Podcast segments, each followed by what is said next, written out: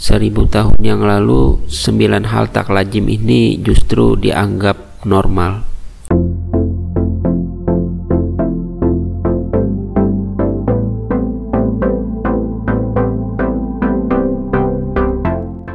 Orang-orang modern memang tidak terlepas dari kekurangan, tetapi para leluhur kita lebih tak lazim daripada yang kita bayangkan. Ini mungkin karena pemahaman mereka yang belum canggih seperti sekarang, dan sebagian karena mereka hanya mengarang-arang saja. Berikut ini adalah beberapa hal yang paling aneh yang dianggap normal di tahun 1000 lalu. Pertama, Croentian Menurut National Geographic, ada praktik yang dikenal sebagai Croatian. Hal ini dilakukan karena dulu mereka belum tahu tentang DNA dan mereka kesulitan mengumpulkan bukti atau wawancara saksi. Pada masa itu, jika ada orang yang meninggal secara misterius, penyelidik akan meletakkan mayat di hadapan terduga pembunuhnya si terduga akan menyentuh mayat itu.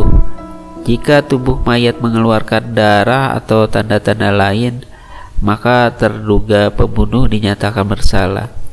Tapi kenyataannya mayat tidak mengeluarkan banyak darah setelah meninggal. Jadi teknik ini mungkin tidak terlalu sering mengarah pada ponis bersalah. Kedua, institusi pengorbanan manusia. Seribu tahun yang lalu, dalam budaya di seluruh dunia masih banyak yang mempraktikkan pengorbanan manusia, terutama beberapa orang Amerika Selatan seperti Toltec dan juga Viking. Menurut Museum of Denmark, pengorbanan manusia Viking adalah hal yang cukup biasa sampai agama Kristen muncul sekitar 1000 Masehi. Viking biasanya mengorbankan manusia untuk ditukarkan dengan barang-barang. India juga memiliki praktik pengorbanan manusia sendiri yang populer sekitar tahun 550 Masehi hingga abad ke-18 yang disebut dengan sati. Jika seorang wanita janda tidak memiliki anak yang masih hidup, dia harus mengorbankan dirinya ke tumpukan kayu pemakaman suaminya dan dibakar sampai mati. Pada tahun-tahun awal praktik ini mengerikan Sati dilakukan seorang wanita dengan sukarela, tetapi pada masa puncaknya hal itu menjadi suatu keharusan. Namun sati akhirnya dilarang meskipun terkadang masih ada laporan yang terjadi bahkan sampai hari ini. Ketiga, tukang cukur yang menyambi sebagai profesi bedah. Menurut Ancient Origins, dahulu dokter itu bersifat eksklusif. Hanya orang kelas atas saja yang bisa ditangani dokter. Tukang cukur atau ahli bedah di sisi lain akan menangani perawatan orang biasa. Mereka akan mengobati patah tulang, mengobati luka, dan jika dia cukup terampil, ia akan memotong anggota tubuh orang hal yang tidak sepadan para dokter dididik dan diakreditasi dengan baik di sebuah universitas dan praktis. Sementara tukang cukur ini pada dasarnya mempelajari semuanya secara langsung. Keempat, air seni untuk pakaian. Menurut Smithsonian, kepercayaan bahwa air seni itu bisa dimanfaatkan terjadi sejak zaman Romawi. Saat itu banyak orang yang mencuci pakaian dengan air seni. Urin dianggap sangat penting untuk perawatan pakaian. Bahkan di setiap wilayah disediakan eh, tong-tong di jalanan untuk membuang air seni seseorang. Dan air seni yang dikumpulkan itu akan dibawa ke binatu umum. Urin mengandung amonia dan amonia umum digunakan sebagai bahan pembersih Bahkan setelah manusia menemukan sabun, mereka masih menggunakan air seni untuk mencuci karena amonia lebih baik dalam menghilangkan noda yang memandal. Itu juga bagus untuk membantu melekatkan pewarna pada kain sehingga digunakan dalam industri tekstil. Sampai akhir abad ke-16 orang masih mengumpulkan air seni secara khusus sebagai mordan atau oleh pembuat kain agar kain berwarna cerah dan tahan lama. Kelima, riasan yang mematikan. Ratu Elizabeth I mempopulerkan riasan yang memiliki bahaya kematian. Tetapi dia bukanlah orang yang menciptakannya. Riasan berbasis timbal sudah ada sejak Mesir kuno sepanjang abad ke-18. Menurut National Geographic, riasan timbal sangat populer di kalangan wanita kelas atas karena kulit putih pucat dianggap awet muda. Bagaimanapun, riasan berbahan dasar timbal yang digunakan Elizabeth sama dengan yang digunakan wanita Romawi. Sebelum itu, orang Mesir menggunakan bedak berbahan dasar timbal sebagai eyeliner. Anehnya, riasan mata orang Mesir ini justru mencegah terjadinya infeksi mata. Tetapi faktanya kebanyakan orang Mesir kuno meninggal di usia muda atau kurang lebih dari usia 30-an sehingga tidak diketahui bahwa riasan mata itu justru dapat mengembangkan kanker mata atau penyakit mengerikan lainnya yang mungkin akan diderita seumur hidup. Masa kejayaan riasan berbasis timbal memudar setelah peradaban Mesir kuno.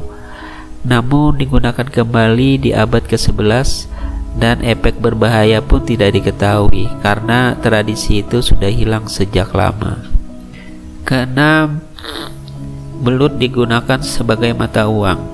Seribu tahun yang lalu, mata uang bukanlah sesuatu yang dimiliki semua orang.